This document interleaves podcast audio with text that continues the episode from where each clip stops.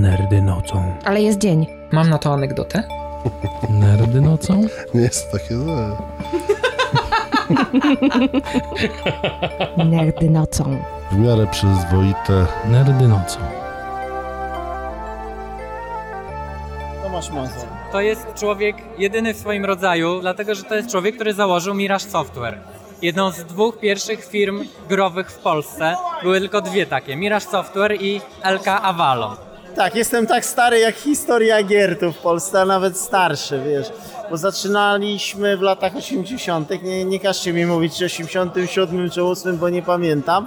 W każdym razie zaczęliśmy od tego, że dostaliśmy pierwsze komputery, tak? Bo ich się Jakie to były wtedy? Wiesz co, no pierwszy komputer, który miałem w ręku to było Spectrum jakieś tam. Pierwszym, którym się zainteresowałem to było przywiezione, chyba kupione w dniu premiery w Berlinie Atari 8-bitowe przez mojego jakiegoś tam wujka, który powiedział, wiesz co, taka premiera była takiego urządzenia, ja to przywiozłem, może ja to sprzedam. Mówię, to nie sprzedawiaj, bo zostawimy sobie. I to się stąd zaczęło. Ja kończyłem studia zupełnie inne, bo miałem być inżynierem od samochodu ale jakoś się połączyłem z tym rynkiem gier. Zacząłem szukać czegoś do tych komputerów, bo komputery były, a o grach nikt nic nie słyszał i zacząłem trochę ludzi poznawać.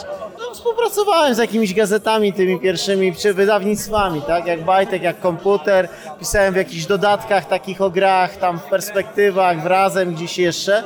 A potem to się gdzieś z tego pisania przewinęło w co innego. Pojawiła się giełda na Grzybowskiej myśmy się tam pojawili jako jedni z pierwszych na zasadzie nie handlowania, nie robienia biznesu, tylko szukaliśmy kogoś, kto też ma gry, tak? Były komputery, ale jeszcze gry były potrzebne. Nie było ustawy, nie było sklepów. Można było je bardzo, bardzo drogo kupić na zachodzie. No i tak się zaczęło. Potem zaczęło się jakieś handlowanie, potem pisanie instrukcji do tych gier, potem spotkaliśmy pierwszych ludzi, którzy zaczęli coś pisać. Sami próbowaliśmy też, ale nie było czasu. Zostaliście wydawcą gier. Tak, i zaczęliśmy wydawać pierwsze gry. Pierwsze mniej więcej tam gdzieś Avalon, my, Maciek tu kręcący się miąsik pisał też swoją pierwszą grę i to takie były początki.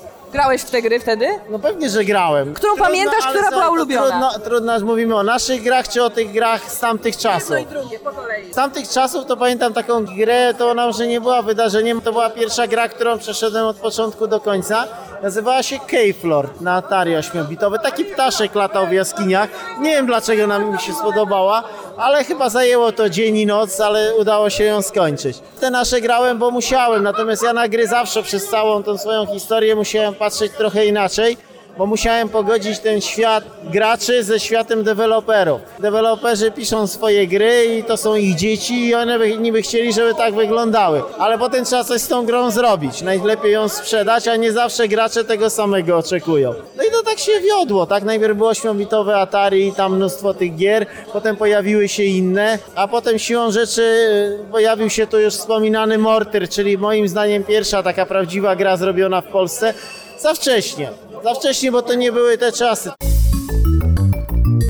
No byliśmy dziwnie postrzegani, bo jakaś firma z tej żelaznej kurtyny przyjechała, bo to były lata... Gdzie ją sprzedawaliście? Co? Myśmy ją próbowali sprzedać różnym firmom. Podpisaliśmy umowę z taką amerykańską firmą Interactive Magic. Potem pojawiło się jeszcze parę fajnych ofert, między innymi od świętej pamięci THQ, ale żeby mieć świadomość, to był rok, yy, żebym nie oszukał. Tak, gdzieś połowa lat 90. Pierwsza gra 3D, w której strzelało się do ludzi w czasie rzeczywistym. Nikt nie ma tej świadomości. Sprzedaliśmy to im- Amerykanom z Interactive Magic, dla nich to było wydarzenie super, bo oni samego preorderu na tą grę mieli w Stanach ponad 100 tysięcy. Czyli coś w Polsce w skali niewyobrażalnej. Dla nich też niewyobrażalnej, bo oni nigdy żadnej swojej gry nie sprzedali w takiej ilości. Ale okazało się, że bardziej im była potrzebna ta gra i jeszcze jakieś tam dwie inne, bo oni zamierzali sprzedać tą firmę, bo tak naprawdę to był dla nich taki dodatek do biznesu samolotowego, który oni byli fan, fanami samolotów, mieli swoje lotnisko, swoje samoloty, a to był dodatek. Czyli połowa lat 90. to był czas, to w których można to było do- wypimpować firmę na tyle za pomocą gry, żeby potem ją sprzedać. opowiem historię, bo Interactive Magic zostało sprzedane do Ubisoftu. Tylko, że wtedy to nie był ten Ubisoft co dzisiaj, to była nadal firma dystrybucyjna tylko i wyłącznie, która postanowiła być firmą wydawniczą. I stąd się wzięło, że chcieli kupić parę gier, ale Ubisoft się przestraszył trochę wydania Mortyra, bo na okładce amerykańskiej był przestrzelony hełm i taki dym z niego się wynoszący, a wtedy była jakaś tam kolejna afera z kolejnym wariatem, który gdzieś w jakiejś szkole do kogoś strzelał. I oni się trochę przestraszyli, że to za duże kontrowersje i generalnie sprzedali tą grę, sprzedawali ją dalej. No myśmy długo tam dyskutowali z Ubisoftem, co dalej z tą grą. Czy oficjalnie ją sprzedali do Holendrów, a naprawdę sprzedawali ją przez Holendrów, tak? Ale myślę, że z tego co pamiętam około i tak miliona egzemplarzy się finalnie sprzedało, co jak na tamte czasy super. No ale to taka ostatnia przygoda, bo potem trzeba było coś robić. Mieliśmy też tą nogę dystrybucyjną, pojawiły się sieci handlowe, sklepy.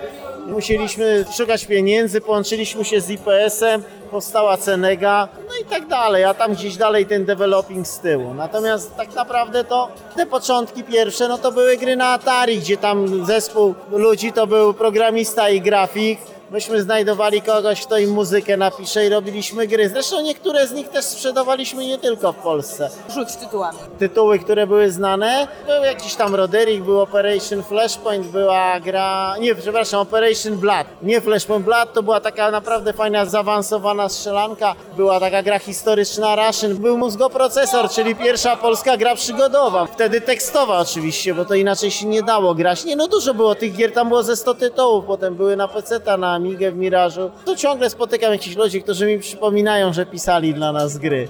No teraz są starsi już. Wydaliście jakąś absurdalną liczbę gier. Dużo, dużo, no ale to było inaczej, to inaczej się wydawało, nie? Wydawało się na kasetach, dzisiaj nikt nie ma świadomości. Koniec lat 80., początek 10. nie było urządzenia typu fax. Drukarnia to był zecer, który składa literki. Nie było możliwości wydrukowania tanio małych nakładów, bo nie było druku cyfrowego. Pierwsze wydawnictwa to były zdjęcia, grafik rysował okładkę, mieliśmy znajomego fotografa, robił zdjęcia, walka z ceną, żeby to nie było drogie. Ktoś tam nagrywał kasety na dwukasetowców, wkładało się to w pudełka. Mieliśmy swoich partnerów, którzy albo na giełdę przyjeżdżali, albo przyjeżdżali do nas do firmy i gdzieś tam te gry rozwozili bądź sprzedawali w swoich sklepach. Tak do końca nikt nie wiedział, dlaczego ktoś chce kupować legalne gry, tak jak można pirackie. Zresztą pirackie też się kupowało, więc może dlatego, nie? Bo to było tak, że część ludzi miała dostęp do tych gier i ona nimi handlowała, tymi pirackimi. I handlowała tymi legalnymi, czy Avalonu, czy naszymi innymi. I ludzie to kupowali, oczywiście nie w setkach tysięcy, ale w jakichś tam takich ilościach, że na chleb, jak to mówimy, dla programistów i dla nas wystarczało. Fortuny się na tym nie zrobiło, ale dużo fajnych gier i dużo radości, po polsku, po polsku, jeszcze do tego, co w ogóle było sensacją.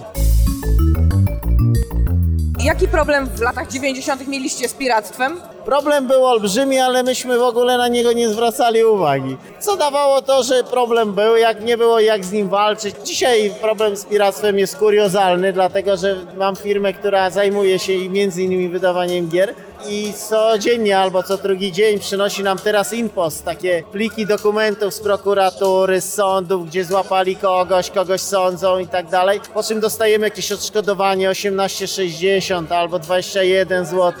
To jest kuriozum, to szkoda naszych pieniędzy, naprawdę, bo czasami przychodzi taki plik 40 stron y, papierów czy 50, gdzie tam jest cała ta dokumentacja procesowa i na koniec czytam, że sąd zobowiązał tam kogoś, kto złapał do wypłacenia kar i te może poza kancelarią tam którąś, która się zajmuje chronieniem praw tych dużych firm jak Adobe czy Microsoft czy coś tam, to jest jakaś suma naście tysięcy, a pozostałe sumy oscylują między 10 zł a a 500 zł, tak? Jest 10-15 firm wymienionych. Ja nie wiem, czy to jest sens takie sprawy prowadzić. Myślę, że wszyscy już przestali zwracać uwagę na piractwo, tym bardziej, że te gry są tak dostępne. W tamtych czasach my tak i tak się opieraliśmy na tych, którzy chcą kupić te gry. Część kupowała dlatego, że po polsku, a część kupowała naprawdę dlatego, że ktoś napisał, nie? I się napracował, więc fajnie, żeby miał z tego kasę. Gdzie można było kupić grę? No nie było internetu, nie wchodziłeś na stronę, nie klikałeś, że możesz kupić, tak? Tylko jak? No, nie było internetu, nie było sieci handlowych, nie wiem czy mamy świadomość. No byli ludzie, tak jak mówiłem, tacy albo mieli swoje sklepiki, gdzie handlowali wszystkim co się da, znaczy związanym z tymi grami, czyli i zestawami pirackimi, i legalnymi grami, i komputerami, i joystickami i tak dalej. Czasami ci ludzie mieli parę sklepików. Byli tacy ludzie, tacy pośrednicy, co to samochodami jeździli po tych sklepikach, coś rozwozili. A jak już mieliśmy kontakty swoje, jedynym kurierem była kolej, która miała takie przewozy towarowe. Trzeba było dowieść im tą paczkę o którejś godzinie. I oni mieli takie rampy towarowe i tam się przywoziło te paczki, nadawało, że tak powiem. Czasami odstało swoje w kolejce, a ktoś inny na taką rampę kolejową u siebie w mieście musiał tam podjechać i tą paczkę odebrać. Było znacznie lepsze i tańsze niż poczta. Potem się zaczęło zmieniać, zaczęliśmy się wszyscy cieszyć, bo pojawiły się sieci handlowe, pojawiło się coś tam jeszcze, ale mieliśmy świadomość tego, że przyjdzie druga strona medalu, trzeba mieć więcej pieniędzy. No nie mówiąc o tym, że gry się zaczęły zmieniać. Daliście radę się wtedy z tego utrzymać? No tak, pracowaliśmy. Pracowaliśmy, po prostu mieliśmy firmy, pracowaliśmy. Natomiast nigdy chyba ta branża w Polsce, no dzisiaj jest inaczej, tak? Dzisiaj są tu duzi gracze, duży rynek, ale to te lata 90. były takie, że żyć się dało, nawet nie tak źle. Natomiast na pewno fortuny się nie dało dorobić, bo ten rynek cały czas się tworzył. Potem jak się pojawiły sieci handlowe, jak się pojawiła dystrybucja, jak inne firmy duże się zaczęły tym interesować, to tak, no ale wtedy brakowało kapitału tym małym firmom. Czym zajmujesz się w tej chwili? Dalej jestem w branży, czy z tego żyję? No tak, muszę z tego żyć jakoś. Znaczy wiesz, skończyłem w 2003 CNG, którą zakładałem. Postanowiłem wrócić do czegoś mniejszego. Nie do końca się to udało, bo w pewnym momencie się to trochę rozrosło. Ale do dzisiaj jeszcze funkcjonujemy, to, to się nazywa IQ Publishing, nazywa się tak, bo mieliśmy wydawać początkowo gry, a skończyło się na tym, że robimy właściwie wszystko, co jest dla graczy. Prowadziliśmy akcesoria, sprzedawaliśmy maty takie do tańca, dalej je mamy w ofercie, dalej się sprzedają. Mamy software do tego, bo pisaliśmy własny dla dzieci, bo dla dzieci naturalne jest skakanie przy komputerze, a nie było wtedy Kinecta, nie było Move'a.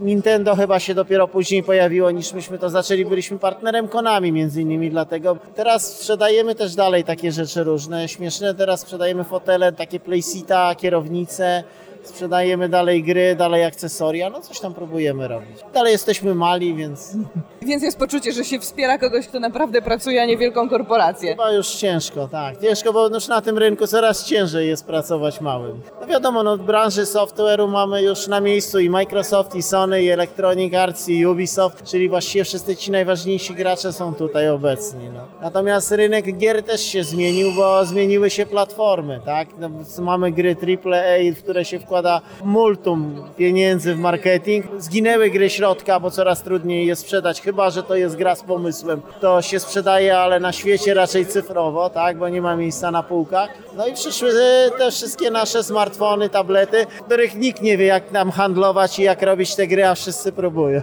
Dziękuję bardzo. Rozmawialiśmy z Tomaszem Mazurem, który miał dzisiaj prelekcję na temat początków gier nad Wisłą. Bardzo dziękuję. Następny odcinek niebawem. Powiadomienia o nowych odcinkach będą na stronie dekompresor.pl oraz na stronie G Nerdów Nocą.